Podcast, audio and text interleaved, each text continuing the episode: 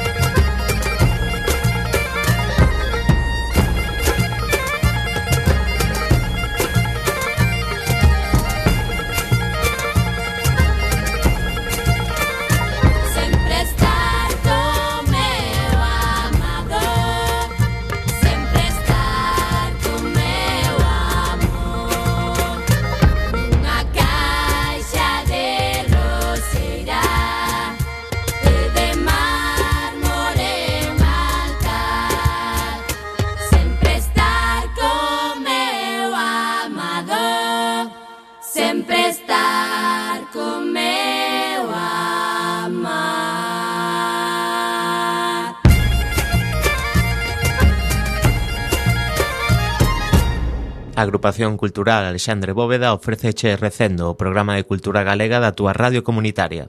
Todos os martes de 7 a 8 en Cuac FM. Naviz Taguer, Naviza, Navisa, Como lle chamamos, Isabel? Como vos queirades, según a variante dialectal que prefirades ou que máis vos pete. Moi boas tardes, Isabel. Boa tarde, grazas pola presentación que non merezo. Como non? É unha maravilla, ademais por tres voces tan bonitas. Isto é poesía. Era unha cuarta. todo mulleres, eh? Ah, Estamos E ademais todo, todo, todo o plato é lilá. Absolutamente. O todo é lilá. Todo isto, poder poder feminino. Aí estamos. Quen é Navizaguel? E por que decide meterse a superheroína? Pois Naviza Gel en realidade pois, xa, xa o dixo antes a compañeira é como se dixéramos o meu alter ego porque xurde de, de, de min do, xurde de min, quero decir, claro, porque son eu, que tontería. É o corpo. Eu doulle o meu corpo e a voz e, e simplemente é na necesidade tamén, aparte da necesidade física e, e vital, laboral, tamén da necesidade de poñer en valor a forza das mulleres galegas e esa potencia, esa bravura que teñen. En realidade, os poderes, os superpoderes son os que pode ter calquera muller galega calquera delas. Eh, o do sulfato simplemente unha excusa, porque tamén a muller galega, sobre todo máis das zonas rurais, está en contacto directo con estes produtos químicos. Eh, máis, en realidade, o que lle dá a forza ás mulleres galegas é o noso país, a nosa cultura, e todo iso, é porque eh, van co, con, noso, con esa idiosincrasia e con noso carácter. Entón, é un pouco iso, eh, sempre desde o respeto, e eh, tamén desde a intención se, se, sempre moi mellorable desde logo desde, desde, desde o meu punto de vista mm, do humor dese humor que temos, ese humor de rirnos de nós mesmas e a partir de aí xa podes rirte do que queiras Recordamos a nosa audiencia que este aquí na Coruña, que está no Teatro de Andamio este mesmo venres con unha visa Gael, que non a perdan que, fa, que, fa, que fan o que queira, que pero que, que non pegan esta oportunidade. Se queren, eu estaría ali, ali agardando, estarei ali agardando e chamare, chamaremos por Naviz Aguel. Moi ben. Bueno, moita xente coñécete polo teu traballo na, na televisión. E queremos saber, empezar polo principio, como chegaches ti a este medio? O, o medio, o medio da, televisivo. A, o televisivo. Eh, eh, como cheguei, como cheguei a él, como cheguei a tele. A tele como por dentro. Sí, o como, porque... chegou, o como chegou a tele a ti. No, porque eh, na miña casa, bu, eh, para que para cambiar de tele en branco e negro ten color, o que hubo que traballar aí, eh? Entón foi complicado. Nesa, no que é a parte física da televisión, eu vivi unha infancia traumática nese aspecto. Todo o mundo tiña tele en color, eu non, nós non tiñamos tele en color na casa. Eh, eh, tampouco, tampouco protesto desde aquí, ni quero reivindicarlle aos meus pais nada, nin, nin poñerlles nada na, en absoluto, que va. Eh, non me caso en realidad ningún tramo importante. Eh, como cheguei a, por dentro, o que é a TVG, pois eu creo que foi tamén un pouco casualidade, coincidencia, Eh, son unha serie de factores que ti non controlas e non dominas, e nesto que apareces ali. Eh, tamén porque houve xente que eh, inconscientemente, xente inconsciente, que confiou en min, Eh, entón decidiu darme traballo nun momento determinado e a partir de aí unha cousa foi levándose cadra a outra. Si que é certo que eu... Recendo, as mil primaveras que terá o noso idioma. Todos os martes de 7 a 8 en Cuac FM. E temos que anunciar que a casa tomada morreu, viva a nave 1839. boa tarde, René. Hola, boa tarde. Bueno, encantados de terte aquí en Recendo. Graciñas. Imos comenzar polo principio. Aínda que neste caso, pois é tamén un final, porque a casa tomada baixou a persiana. Contanos. Pois sí, foi unha foi unha verdadeira mágoa. Eu cando cando me enterei non non podía crelo, a verdade, porque o traballo que estiveron a facer durante dous anos esa xente foi coido que moi importante para a cidade é moi importante para determinados ámbitos culturais que teñen difícil exposición. E colleume completamente por sorpresa. Pensaba que de feito polo como estaba a cubrir unhas necesidades que claramente estaban valeiras eh, que iba a durar moito máis. Pero bueno, a, o equipo de, de traballo quemouse eh, de, de meteron moito esforzo e moito moito espírito aí e, e bueno e, o, falamos entre unha xente e, e decidimos que tiñamos que, que, que seguir co, utilizando ese espazo non? Esa idea como, como vos xurdeu? E, e que mm, E, de maneira espontánea. Sí, era as mellores cousas da vida. Era non casa tomada, sen casa tomada que vai non verdadeiramente Quimos facer nós na casa tomada, sí, non? Foi así. Sí, sí, sí. Eu eh, eu prácticamente non, non, non saía da casa máis que outro sitio que a casa tomada. A parte de supermercados, eh, eh estancos, sí, estancos, moito estanco tamén, pero pouco máis que... Sabemos que era unha necesidade vital. Non, bueno, mm, sí, pola...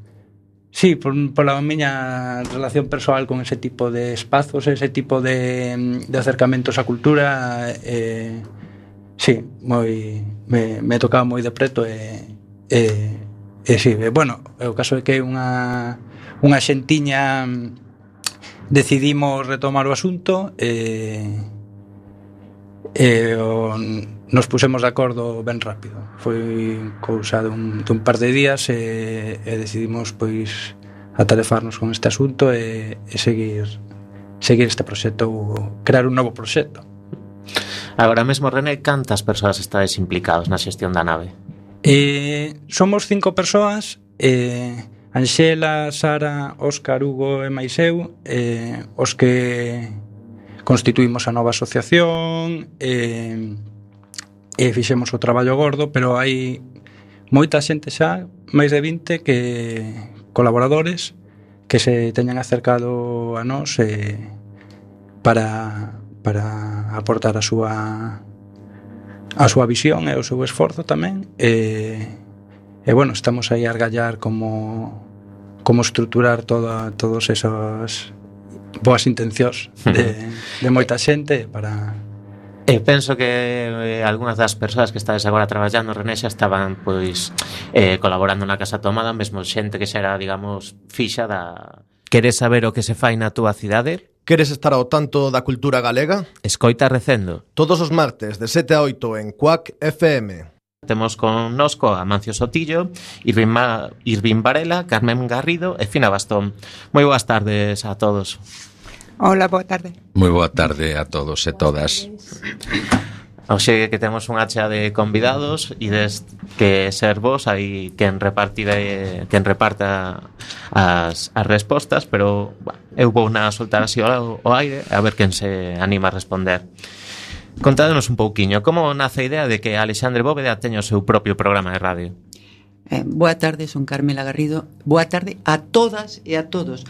Eh, vou recordar a Vitoria Louro con, con un tema de igualdade, non? Eis, que se vos esqueceu.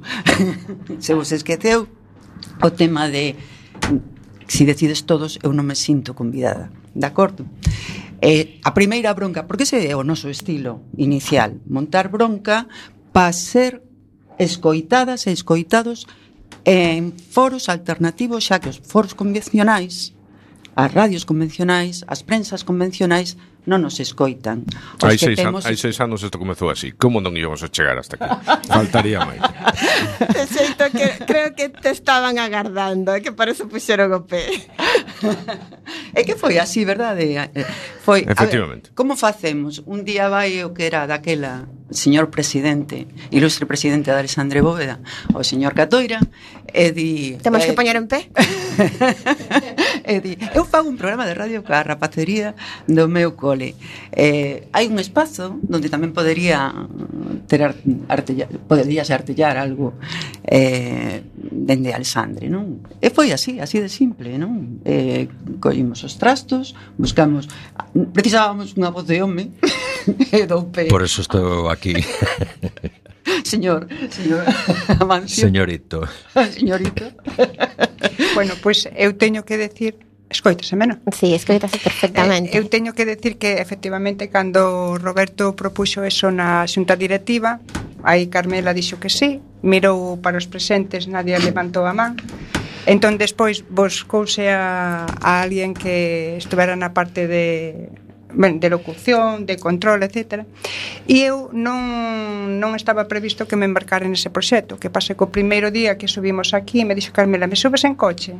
Bueno, pois pues te subo en coche. É unha boa maneira de enganchar a alguén, claro. Entón, eh, subina en coche, logo quedei por aquí, logo xa falei algo polo micro que a mí non me gusta moito, que eu a miña colaboración basicamente cronometrado foi a... que fala fina. a miña a miña colaboración prácticamente prácticamente fui xunto con Roberto na parte de control. Como Pero vedes bueno, que este sitio este alonxe sirve para algunhas cousas. se se chegara pero, céntrico teríamos unha técnica menos. Pero, pero bueno, eh, estou encantada de, de ser tamén unha das pioneiras da, deste programa Recendo. E nos da recibirte hoxe. Bueno, moitas gracias. Moitas gracias. E vos, eh, gracias a vos por seguir co proxecto. Bueno, e de dicir, eh, en Prodefina, que ela é tecnóloga de profesión, non? Entón, claro, eso de ver mm, eu cando vexo así botóns eu ao máis que chego é ver a esa cousa vermella que me di que teño que falar eh, si non eu máis que sei e saltarme a esqueleta non? non te acordas? Sí. acordas que... esqueleta, aquí le chamamos esqueleta a agrupación cultural Alexandre Bóveda ofrece che recendo o programa de cultura galega da túa radio comunitaria todos os martes de 7 a 8 en Cuac FM Para contarnos máis sobre este proxecto de renovación temos connosco a Marisa Vidal. Boa tarde, Marisa. Hola, que tal? Boa tarde. Encantada de que estexas aquí en Recenda. Eu encantadísima de que me convidarades. Perfecto. Pois imos eh, principiar por onde? Pois polo comenzo. Entón, queremos saber como se xestou a idea esta de crear unha asociación de mulleres cristiás galegas. Eh, bueno, dixéchedes agora que no 2009. Mm, sí. Mm, no. no, foi moito antes, foi no 1996. Eh, este ano que ven, no mes de marzo, cumpriremos 20 anos de, de asociación. Fallamos por moi pouco, por 12 anos. non, no, bueno, bueno, é que no 2009 foi cando empezamos a, a sacar unha serie de documentos que, bueno, sabedes que unha asociación ao longo dos anos vai cambiando moito e van cambiando as actividades que facemos e tal, non? Eh, cando nos Cando empezamos a nosa andaina foi a raíz dun, bueno, un documento destes que sacan ás veces a igrexa e que nos fai que nos fai avergoñarnos dela, non? É un documento onde se recordaba que, que as mulleres non podían exercer o sacerdocio e que, bueno, a nós, pois, foi como un pouco decir, joder, pero vamos a ver, non hai outra posibilidade, non hai un diálogo, non hai nada, non? Entón nos xuntamos así un grupo de, de indignadas eh, convocámonos no Mosteiro da Armenteira naquel mes de marzo do, do 96 e dixemos, oye, isto hai que facer algo e, bueno, pois, dounos por facer unha asociación. E así, bueno, pois, seguimos. Empezamos eh, eh, bueno, sí, sí, sí, non, conta, conta. Non, empezamos, o primeiro tempo foi un tempo así como de, de mirarnos un pouco e decir que queremos, no? que isto do feminismo eh, en que nos afecta a nós. Eh, estamos dentro da igrexa, non queremos marchar non queremos, pois outras mulleres fixeron, non? A Decir, bueno, pois non me interesa, marcho. Non, nós queremos seguir aquí, temos noso dereito e, e queremos ver que podemos aportar desde o feminismo dentro de dentro da igrexa. Por exemplo, os textos que vos publicades teñen mm. nomes así fortes como nós, as mulleres da igrexa. Sí. Sí, bueno. Vamos a ver como é o proceso de redacción destos textos. Eso foi un traballo dentro das actividades que temos, eh, que son así moi diferentes e tal. Houve un tempo en que dixemos, bueno, hai que empezar a ter unha voz pública. Eh, porque, bueno, estábamos metidas dentro da Marcha Mundial das Mulleres, dentro de outros, de outras, eh, con outros colectivos de feministas e tal, e sempre era aquella pregunta de, bueno, e vos? Estas a que veñen, no? A primeira, a primeira reacción, estas a que veñen, tal. E un pouco, pois, eh, chegou un momento en que dixemos, bueno, vamos a ver, que temos que decir nós de nós mesmas? E entonces por eso, por eso foi un pouco ese, ese primeiro documento, no? Eh, logo chegou o problema do aborto E entonces dixemos, bueno, e nós que pensamos do aborto? Nos xuntamos e dixemos, bueno, elaboramos un, un pequeno documento que logo publicamos, está dicindo, bueno, a nosa postura é esta. ¿no? E, bueno, pois, así foi. Ás veces, eh, as actividades que xurden pois van sendo un pouco por necesidades, non? Eh, aparecen debates, aparecen problemas sociais, entonces, pois, bueno, pois, aí hai que dar unha, unha palabra. E xa que tocaches o tema espinoso do aborto, que pensamos, non? As mulleres Bueno, nos, nos, do aborto. Nos creemos que todas as mulleres teñen dereito a ter o seu criterio, non? E que dentro desta, deste conflicto Recendo, as mil primaveras que terá o noso idioma. Todos os martes de 7 a 8 en Cuac FM. Podemos xa poñernos en más de Mercedes Queixas e descubrir a María do Carbo Krúcaran con toda a súa intensidade. Boa tarde, Mercedes. Moi boa tarde. Pois moitas gracias por vir aquí a Recendo.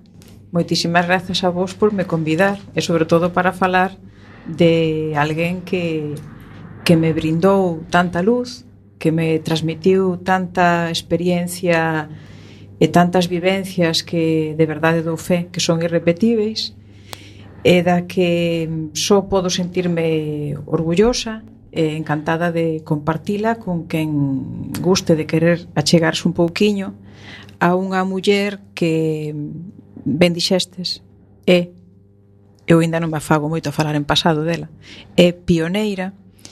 E mm, como todas as persoas pioneiras que se atreven a dar pasos adiante mesmo sabendo que van ser cuestionadas eh, asumiu perfectamente luces e sombras que mm, ás veces desde a, a inconsciencia ou desde a ignorancia ou desde a vontade pois lle quixeron apoñer, non?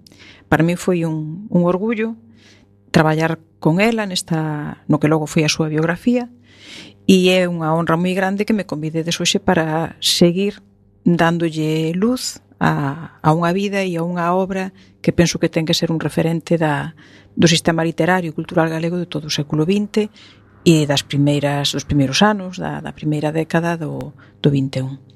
Perfecto, Mercedes. Nos queremos saber, empezar por o principio, eh, como nace a idea de escribir esta biografía. Pois a verdade é que eu tiven que reconstruir despois no, no tempo, porque me fun dando conta de que había eh, un, unha suma de, de factores que, que alterou o produto e o produto foi despois a, a biografía que saiu, non? Eh, a min, eu primeiro coñecín a Carme Krukenberg por, como lectora, eh, e había algúns versos e algúns poemas que realmente me, me golpeaban dunha maneira especial. Logo tiven a oportunidade de, de escoitar, lembro perfectamente na, na Coruña, no, no Museo de Arte Contemporánea, un recital de varias poetas eh, e unha delas era ela, e a forza e a emoción daquela lectura, daquel recitado, como ela recitaba, Mm, realmente mm, marcoume e fíxome pensar que aquela muller eh, realmente era moito máis incluso do que transmitía nas súas eh, lecturas e na súa intervención que tamén a, a tivo. Este foi o, seu, o teu primeiro contrato con contacto O meu primeiro contacto con físico con ela eu creo que foi este. Eu que eu recorde penso que foi ese, escoitala recitar. Eh, despois, eh, como eu mm, fago parte da directiva da Asociación de Escritoras e Escritores en Lingua Galega, coincidiu que no 2006 eh, concedeuselle a, a letra E, eh, e desenvolveuse en Vigo o que, o que chamamos a homenaxe ao escritor ou a escritora na súa terra. E é un homenaxe como deben de ser en vida, con pleno goce por parte da persoa, donde ela mesma se implica, porque ten que decidir en que lugar... Queres saber o que se fai na túa cidade? Queres estar ao tanto da cultura galega? Escoita Recendo. Todos os martes de 7 a 8 en Cuac FM. Estamos encantados de contar con Cristina Barbeito, unha das socias da libraría da libraría Berbiriana, Libros e Grolos. Moi boas tardes, Cristina. Hola, boas tardes. Para comezar, como xorda a idea de montar unha libraría? Bueno, pois xorde dun soño compartido entre Alejandra, que é a outra metade berbiriana, e eu. E mm, as dúas nos gustaba moito a idea de montar unha librería e calquera cousa vinculada aos libros estábamos un pouco un pouco fartas, aínda que contentas co que fixéramos hasta entón, e, e botámonos a manta a cabeza e ala. Pero tiñades algún tipo de experiencia previa ao fronte de, de Ao fronte librería? de unha librería non. Ninguna. Non. Eh, os nosos traballos previos, a experiencia laboral ou voluntaria eh, eran outros campos. Tiñamos a experiencia eh, como lectoras e como usuarias de bibliotecas e, e como consumidoras de libros e de, e de sitios como a Berbiriana. Eh, bueno, eh, a pesar de non ter experiencia previa, vos, de, vos decidistes por unha libraría totalmente diferente, non? A, o que é habitual Sí, aínda que tiñamos referentes eh, noutras, mm, noutras cidades onde estivemos vivendo os últimos anos, pois Alejandra viña de Madrid dunha experiencia de vida de traballo ali de 14 anos, Eh, bueno, ali estes, este tipo de librería era un pouco máis frecuente eh, que en Galiza. Eh, un dos referentes claves en Madrid foi Tipos Infames, que é unha librería no bairro de Salamán, de Jesús, de Malasaña. E, eh, e bueno, era unha, unha librería que a ela lle encantaba cando eu fun eh, a velo Sí. Tamén era, che gustou. Era... Eh, eu tiña o referente en Valencia da librería Sahiri e eh, en Guatemala da librería Sofos, que é unha mega librería, pero con esta con este compartir de cos grolos e demais. E bueno, pensábamos que na Coruña faltaba un pouco isto, aínda que cando estábamos xa co proxecto en marcha, eh, abriron a linda rama eh, cousa que foi super boa noticia tamén, non? Porque, que, bueno, que haxa sitios como estes enchen a cidade de cultura. E ahora que falas de que, claro, non era un modelo que que, mm, que se adoitara na, na Coruña, nesta cidade, por que pensas ti? Mm. Que non tiñamos experiencia neste tipo de neste tipo de modelos.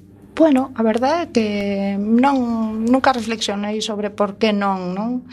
Eh, sí creo que agora é un momento onde tamén o, o o tema do traballo, de que, de que a escasez de traballo eh, e que a xente tamén, bueno, mire outras alternativas eh, eh, máis creativas do que xa existe e que busquen a complementariedade co que xa existe, non? Hai que amenizar os libros cos grolos.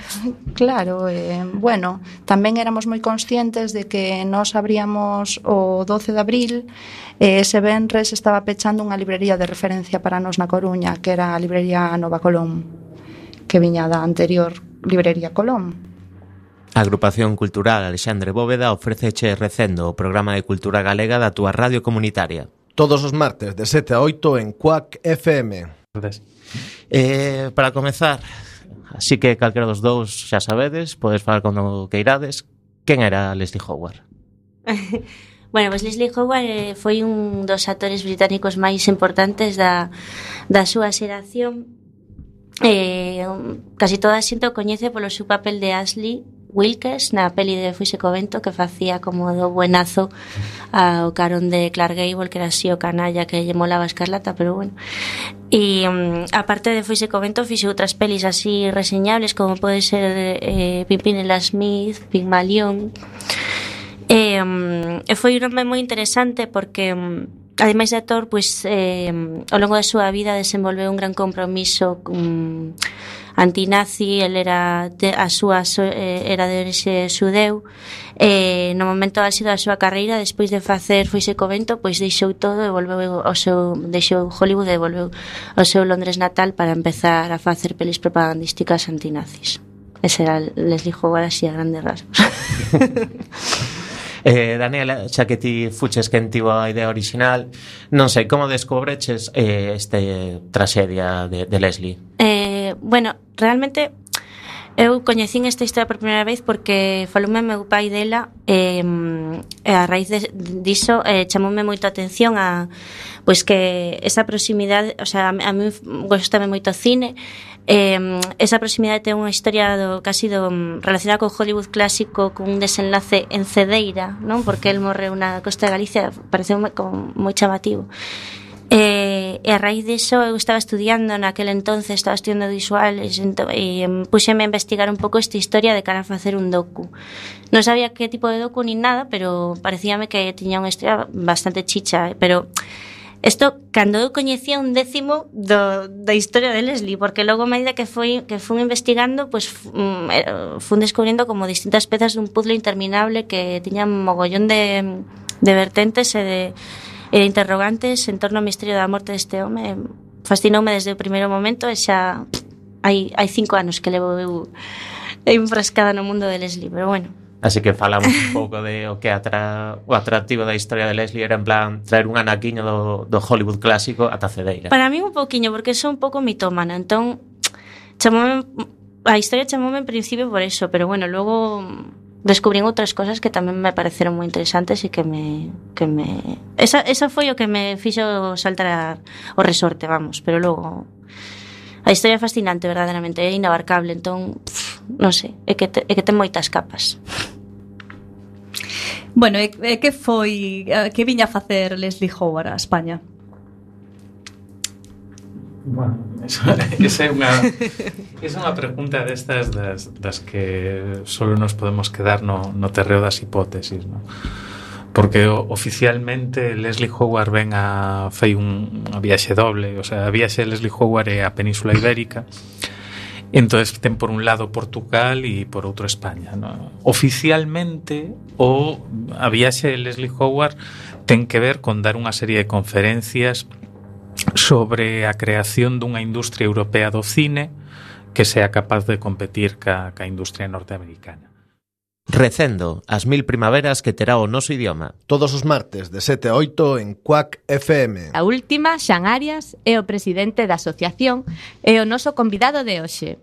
Con el falaremos de abecedaria, da Asociación de Editores Coruñeses, así como de Trifolium, a editorial que dirixe dende hai 13 anos, en a que podemos atopar libros en galego e castelán, obras orixinais e traduccións, autores clásicos e actuais. Todo repartido en sete diferentes coleccións. Moi boas tardes, Xan. Ben, boa tarde. Para comezar, dinos, como xorde a, inicia a iniciativa de Abecedaria? Bueno, antes de nada, moitas grazas pola invitación. Eh, quería facer unha pequena advertencia.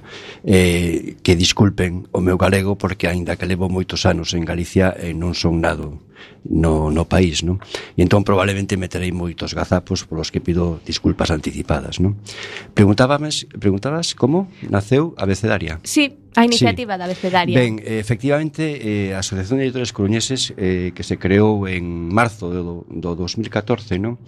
Eh, naceu cunha intención de, de pôr en valor a industria cultural coruñesa eh, de Coruña e da súa área metropolitana, porque non hai que esquecer esa gran editora que houbo en Las Mariñas, Edicións do Castro, non? Entón, entre outras eh, entre outros proxectos que levamos a cabo, eh, consideramos que había que conmemorar o 17 de decembro eh, o día día de Galiz, día da edición eh, xornada que mm, institucionalizada pola Xunta de Galicia en conmemoración do nacemento de Ángel Casal, non? Entón, efectivamente, o ano pasado celebramos unha xornada, unha primeira xornada de edición, non? Que foi, mm, resultou bastante ben, non? Porque incluso fixéramos un documental expresamente sobre a edición histórica, non? Eh, fixemos unha exposición tamén sobre a edición histórica en Coruña, área, área metropolitana, non? Eh, xa neste ano eh, plantexamos eh, de algunha forma darlle continuidade, non? Eh, non solamente con, en relación coa actividade do ano pasado, sino para vindeiros anos, non? De crear a, o Salón do Libro da, da lectura. Eu creo que quero, quero lembrar que hai, hai anos celebrouse algún Salón do Libro en Coruña, non? Pero non sei por que motivo eso quedou no olvido, non? Entón, de algún xeito é poñer outra vez en, en valor o que a industria editorial coruñesa e da súa área metropolitana celebrando este día de edición en Coruña. E está aberto só a editores ou calquera vencellado ao mundo da literatura? Mm, por suposto que non solamente a editores, no? Nos, eh, a nosa intención é crear sinerxias no? con todo o entramado que que, que rodea o mundo do libro, no? Entón, neste salón eh, estaremos os editores eh, que conformamos a asociación, no?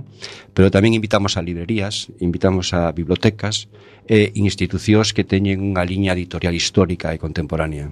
Que obxectivos pretendedes con este Bueno, fundamentalmente o que comentei antes, por en valor a industria editorial coruñesa, uh -huh. non? Eh, Coruña e a súa área metropolitana é o xerme da industria editorial, non solamente a nivel, o sea, quero decir, a nivel de toda Galicia, non?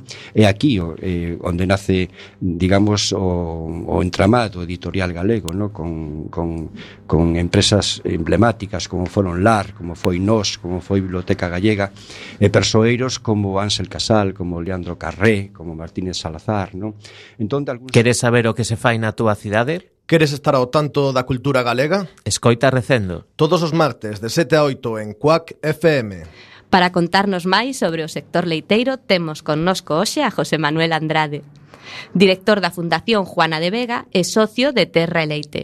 Boas tardes, José Manuel. Boas tardes. Eh, gracias por contar comigo neste espacio radiofónico. Grazas a ti. Como se xestou a idea de crear unha asociación como Terra e Leite? Bueno, éramos un grupo de amigos que tiñamos unha preocupación común polo medio rural de Galicia, polo seu desenvolvemento, eh, en, con carácter xeral e particularmente polo sector leiteiro que é o principal motor económico de Galicia. Non? Esa é a razón fundamental. Como ben dicías, para poñer en valor diante da cidadanía dentro das nosas capacidades a importancia que ten este sector dentro da economía do medio rural. E por que crees que é necesaria esta asociación? Non creo que sea necesaria a asociación, nós non temos pretensións de eh, suplir a, o papel de ninguén, eh, nin dos produtores, nin das industrias, nin dos outros axentes que teñen algo que decir no ámbito do sector leiteiro, simplemente tratar de trasladar desde o noso coñecemento multidisciplinar, porque hai que ter en conta que moitos dos socios que forman parte da asociación teñen formacións e procedencias totalmente distintas, pois aportar a nosa idea sobre o que é o sector, as dificultades que presenta e tamén as oportunidades e os retos aos que se enfrenta. Non?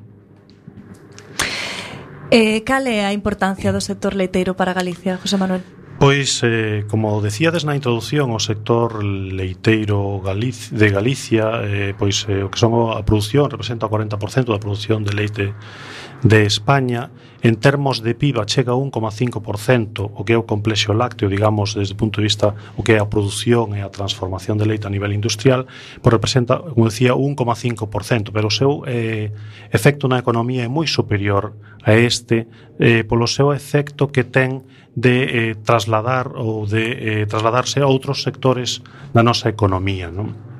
Pensemos, por exemplo, na fabricación de pensos, nos servicios veterinarios, na compra e reparación de maquinaria, e isto contribúe, sin duda, ao mantemento con vida de moitas vilas a comarcas de Galicia, principalmente na zona norte que é onde están as nosas explotacións gandeiras.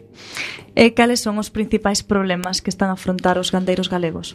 Eh, Bueno, os principal problema que está soportando nestes momentos é coñecido por todos, é un problema de precio, é un problema que se está dando nestes momentos a nivel internacional, non é exclusivo de Galicia nin de, nin de España, pero é certo que eh, esa baixa de precios en xeral nos mercados internacionales pois é máis acusado en España, e dentro de España particularmente en Galicia, non?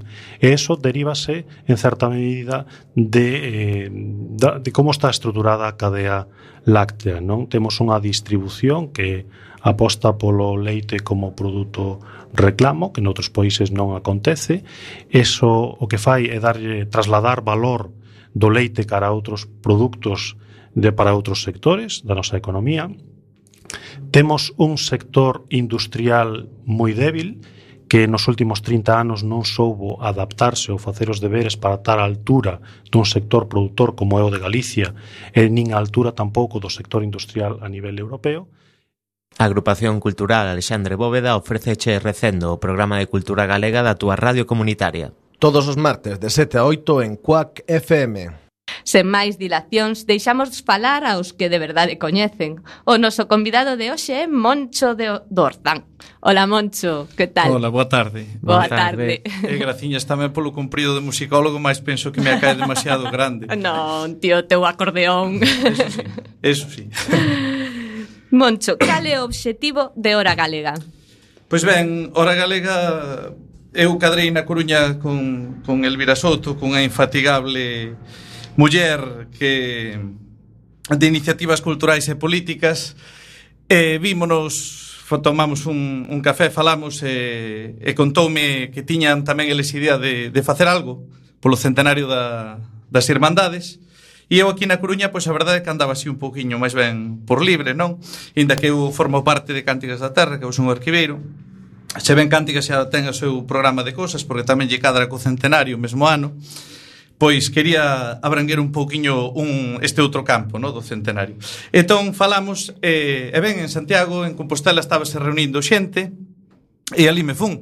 E me fun con eles, e o primeiro que, que pensamos foi, foi precisamente en, en que había que facer un movimento a día de hoxe, non que tivese un poquinho aqueles alicerces igual que as irmandades, é dicir, que non só fose recordar as irmandades, senón que se cadra soñar e dicir a futuro podemos seguir traballando nestas cousas igual que hai pois un Omnium cultural en Cataluña ou un escure, escure Godago en no País Vasco, non? E, e así un pouco xurde, xurde con eses obxectivos culturais e, e políticos hora galega. Evidentemente, o primeiro que temos diante dos fuciños é o centenario da, das Irmandades, non? Pero vedes hora galega como algo necesario neste momento. Pois sí, pois precisamente porque, bueno, xa alén do, da coxuntura política que tan difícil nos toca vivir e tan partixada está, pois justamente invocando ese espírito das irmandades de tratar de, de xuntármonos un pouco, pois tamén tamén tiña esa, esa parte. Desde logo, Hora Galega o primeiro era tratar as irmandades tamén desde un desde unha objetividade como eles eran, como as irmandades eran, era unha primeira agrupación nacionalista, non? É dizer, tampouco podemos eh, pois deixar que se, que se precisamente que quede en algo pois lai ou, ou senón que tiña que ter un peso un peso social importante e nesa, nesa idea era agora un momento agora un momento de o facer, non? Quen forma parte de Hora Galega? Pois un pouquiño de diversas partes de, de, de Galiza. Estamos estamos pois eh, escritores, estamos un pouquiño así, non somos moitos, eh, somos máis ben pouquiños. Eh, está tamén, por exemplo, Marcos Maceira, que é o, que é o presidente da, da, da mesa, non? Da mesa pola normalización. Está o escritor Víctor Vaqueiro, pois ven, ven tamén Carlos Quiroga da Universidade de Santiago. Bueno, xente así un pouco variada, que estamos aí polo anceio de, de, de revolucionar o mundo, como di. Eh, está aberta a todo o mundo. Sí, a priori sí, desde logo que, mira, nos o que o que facemos tampouco teñamos un, un medio de, de contacto nin unha páxina web nin nada de momento foi así un pouco de ir quedando e ir facendo cousas non? e desde logo que aquel que, aquel que queira pois xa, xa despois lle facilitamos o, o contacto sen, sen problema ningún claro eh, Moncho, para entrar un pouco en materia cal era o contexto político e cultural no que xorden as Irmandades da Fala? Pois mira, eu creo que precisamente a Coruña... Recendo as mil primaveras que terá o noso idioma. Todos os martes de 7 a 8 en Cuac FM. Alberto Ansede, perdoa, Alberto, secretario da mesma fundación. Boas tardes. Hola, boa tarde. Para comezar, como recibistes o anuncio da Real Academia? Bueno, eh, con alegría, pero con moita serenidade, porque o noso deber como fundación que somos depositarios da, da, do legado de Manuel María, o noso deber é que con independencia de unha celebración ou, ou non, eh, pois facer que ese legado estexa presente na sociedade galega e iso é o que vimos intentando desde que nos nos puxemos a andar e desde que temos aberta a Casa Museo Manuel María ali en Outeiro de Rei no? en definitiva, con alegría porque é un recoñecimento eh, que nos axuda a difundir e a, eh, tanto, a, tanto a propia fundación como sobre todo a obra de Manuel María pero tamén con sabendo que un ano é moi breve e que realmente unha obra debe estar sempre moito máis aló dun ano non? Contábades con que lle dedicaran o Día das Letras Galegas tan cedo? Nin contábamos, nin deixábamos de contar. A verdade é que non estábamos para nada pendentes deso, estábamos atendendo o noso traballo. Eh, xa se comentara no ano anterior, estuvera de finalista, eh, non saíra. Eh, en fin, certamente non estábamos pendientes da noticia. E pensas que quizáis a polémica do ano pasado do Día das Letras Galegas tivo algo que ver? Pois non, casi prefiro non valorar. Non sei. Un dos obxectivos da Fundación Manuel María é difundir a obra do poeta. Como ides aproveitar a oportunidade que brinda o Día das Letras Galegas? Eh, bueno, eh, nos en primeiro lugar eh, hai un obxectivo fundamental e inexcusável que eh, nos parece que debe rexir non só para Manuel María, sino para calquer autor e incluso diría que para calquer literatura. A finalidade de calquer literatura é que se lea eh, e un escritor cando escribe eh, está pensando en escribir para un público non? E con unhas finalidades. Esas finalidades nunca se concretan se non hai leitura eh, con isto quero decir que por moito que falemos mm, de Manuel María da súa vida e fagamos moitos alegatos cousa que nos agradecemos e nos parece moi positivo se non se lee a súa obra mm, estamos moi mancados no obxectivo. De aí que como no caso de Manuel María a obra é tan amplia eh, pois nos xa inmediatamente a, a cada Academia a tomar esa decisión, puxémonos a traballar para que, cando menos, eh, as obras emblemáticas do escritor estivesen ao alcance do público, que na actualidade non o están. E, tíamos en conta que eh, A ver, redondeando, né?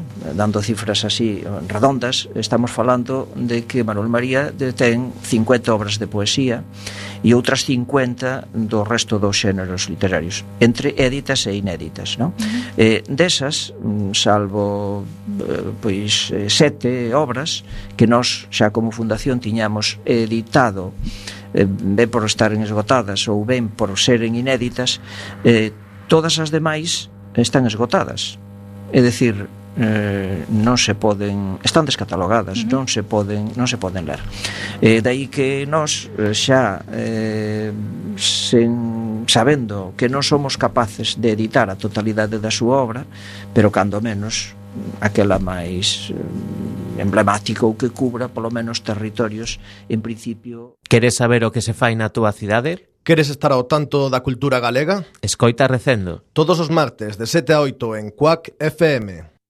Bohemia están aquí, aparte do seu director, dos dos seus intérpretes. Hola, boas noites. Boas noites. Hola, boas noites. Eh, para comezar, como foi o estreo do domingo? Bueno, o estreo do domingo creo que foi ben, creo que foi satisfactorio para todos, pero bueno, para necesitamos seguir rodando, seguir facendo a obra para chegar a ao máximo nivel dela, aínda así estamos contentos, moi contentos. Moitos nervios ou xa estades acostumados? Home, xa estamos un pouco máis acostumados, pero nervios sempre sempre sempre hailos, sempre, porque ao fin e ao cabo creo que os nervios no teatro son moi bons. Eu, por exemplo, a min gusta meter nervios antes, non é algo que rexeite. Pero antes, non? Despois, unha vez que estás aí no Despois escenario... Despois xa estás como pez na auga, xa. moi ben, pois contádenos un pouco de que vai Euménides. Bueno, eh, Euménides é eh, eh, a final de Orestiada é eh, a, a obra final de que representa a, a casa de, de Agamenón para os que, bueno, non se, esteis moi duchos en traxedia grega, xa que eh, últimamente non sai moito pola tele. Digamos que despois da película de Troya, esa que todos vimos con Brad Pitt, eh, o, despois de que volven pa casa, eh, eh, Agamenón, eh, que se é asesinado pola súa muller, Clitemestra, e unha das, das, das profecías é que o seu fillo, o propio seu fillo, eh, vai matar a súa propia nai, non? É o que é Orestes. Eh, el Clitemestra e Agamenón tían varias fillas, unha é Orestes e outra, entre o conocerese Electra, famoso por o complexo de Electra en psicología, sí. e que, que tamén hai unha traxedia sobre ela, eh, que é a que mm, chama o seu irmão eh, que Orestes que ven que mata a súa, a súa nai na filosofía grega no, na traxedia grega e sobre todo na mitoloxía é, é como agora é, na cultura occidental é, heredouse eso en dereito é, o, ma, o maior castigo o maior crime que se podía facer non só é o asesinato, sen o asesinato con grado de parentesco o que é un parricidio é bastante peor que matar unha persoa que non coñeces. Entonces, asesinar a túa nai eh, desperta o que son as furias, non? É uns monstruos mitolóxicos gregos que eh, o que fan de toda a vida é eh, tomar a xusticia, non? Eh, eh, eh Euménides é a primeira vez que hai unha rotura. Euménides crea e explica, sobre todo Esquilo, que era un demócrata convencido, a rotura entre o, o bello e, e o novo. Eh, Euménides é eh, o xuicio, a primeira vez que hai un xuicio sobre unha persoa, que é ese Orestes, cun, cunha persona que o, culp, que o, que o defende, o seu abogado, que é Apolo, unha parte acusadora, que son as, as Erinias e a súa nai, Clitemestra, unhas, unos, unos xuices e un fiscal que é Atenea. É a estructura que hemos heredado desde 2500 anos que é un xuizo moderno. ¿no? empeza por as, as primeiras partes do que empeza a ser unha especie un dereito eh, moderno, é dicir, ninguna parte implicada nun caso pode ser parte do seu xuiz, non? É o, o básico nunha, nunha lei procesal moderna Aquí é a primeira vez que se fala xa fai 2500 anos de que Clitemestra non pode ser, xa que é a que quere que se fai, se fai o suizo contra su, o seu fillo, que non pode ser eh, unha parte implicada no, no xulgado. Ten que ser unhas persoas totalmente axeas ao, ao caso os que xulguen. E sobre isto Bauménides, sobre a ruptura do... A Agrupación Cultural Alexandre Bóveda ofreceche recendo o programa de cultura galega da túa radio comunitaria. Todos os martes de 7 a 8 en Cuac FM. Hoxe están connosco o presidente da agrupación Xosé Manuel Sánchez de Rei, Francisco Peña, que foi tamén presidente durante 10 anos, e Ana Mourelle, unha das socias e directivas con máis longa traxectoria da agrupación. Boas tardes a todos. Hola, boa, boa tarde. tarde. Hola, boa tarde. Comecemos polo principio. Quen foron os, promotor, os promotores da agrupación?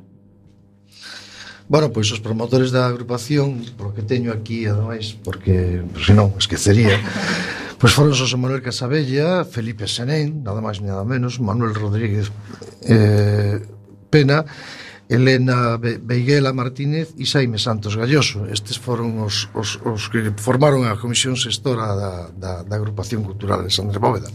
Foi un movimento que que surdiu en todo o país o nacionalismo organizado naquela época eh, eh, montou asociacións con, con, a, con, a, con as persoas máis activas da sociedade por todo o país. Entonces eh, surdiu a Oriense en Ourense a agrupación Alexandre Bóveda na Coruña a agrupación Lumieira en Carballo a agrupación eh, de Compostela non me acordo agora no, do nome. O Galo. O Galo de Santiago efectivamente gracias a, eh, en Vigo. En fin, foi un, un boom de, de, de, de entidades culturais eh, por todo o país eh, pois moi importante e que, e que bueno, deu como consecuencia despois pois a Federación das Sociedades Culturais e moitos, moitos movimentos pois que, que tiveron moita importancia eh, neste caso na, na Coruña eh, a, pois foi pois moi acaído moi acaído porque porque estamos moi orgullosos de que fora a figura de, de, de Alexandre Bóveda non? evidentemente por, por todo o significado que ten eh, para Galiza non o o seu nome. E cantas persoas formaban parte desa, desa asociación nos, nos seus inicios? Pois, bueno, moi poucas persoas porque inmediatamente foronse asuntando pois, eh, a partir das actividades pois, un eh, cento. Uh un cento de personas que inmediatamente pois, foron se asociando desto sabe máis Ana porque xa, eh, naquel tempo xa foi directiva a partir dai xa foi directiva Ana Mourelle e pode ter máis datos daquela, daquela, daquela, daqueles momentos pero bueno eh, sí, sempre contamos xa con, con un número de persoas asociadas que foron impulsando que a agrupación fose existindo de forma permanente e constante non desde os principios non? É porque decidiron montar esta asociación? Pois insisto, porque eh, por todo o país surgía a necesidade de eh, defender a cultura galega eh, que estaba secuestrada polo, polo régimen franquista e que, por tanto, coa liberdade e a, e a, e a, e a, e a escasa democracia que asomaba, pois había que, que apuntalar eh, todos os, os eidos, entre eles o cultural, por suposto, e o político tamén, pois divulgando as figuras dos nosos eh, máis importantes eh, per, per personaxes da, da política eh, galega, non? Como era Alexandre Bóveda neste caso, non? E entonces pois divulgar a súa figura e defender o idioma e a cultura galega pois eran eh, in, vamos o máis importante que había que facer nese momento despois de, de, de, de, de, de, de, de dos anos de 40 anos de, de, de silencio, de ocultamento de, e, de, e, de, e de torturas eh, do, do, do idioma e da, e da, e da cultura galega. Por lo tanto, tanto, pois, bueno, ademais na Coruña, eh, hai que decir, existía un, un, un...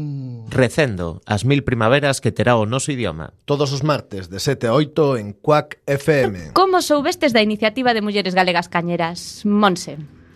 Eh, bueno, eu foi a través dunha chica que coñecía, eh, faloume do proxecto e, eh, vamos, como eu me apunto a todo, pois ali fun. Sara? Eu igual, eu estaba no Facebook un día calquera e, bueno, vin o anuncio e dixen, bueno, vou apuntarme porque sempre gustoume moito iso de coñecer a máis mulleres músicas e se son galegas, pois maior. Non? e maite. Eu tamén polo Facebook mo, mo mandaron, me dixeron se me interesaba e, e, e tamén me, me metín polo mesmo. Coñecíades previamente a Pati? Eu non. Non, eu tampouco. Non, eu tampouco. E contouvos algunha vez, Pati, como se lle ocorreu a idea de montar Mulleres Galegas Cañeiras? Eh, sí, eh, sobre todo foi eh, por unha entrevista que lle fixeron a Sonia Albor, que é baterista de un grupo de, de caña de death metal, creo que, que o que fai ela, de, de, tamén de, creo que de Pontevedra ela. E de Ourense. De, eu de Ourense pois mira, eu pensei que era de Pontevedra. Es que o, ese tipo de, de estilo tampouco me... eu sou máis roqueira, pero bueno, a ver, escoito de todo. Pero bueno, eh, e, e eso tamén reivindicaba visibilidade. Non reivindicar, sino simplemente dicir pois, que estamos aí.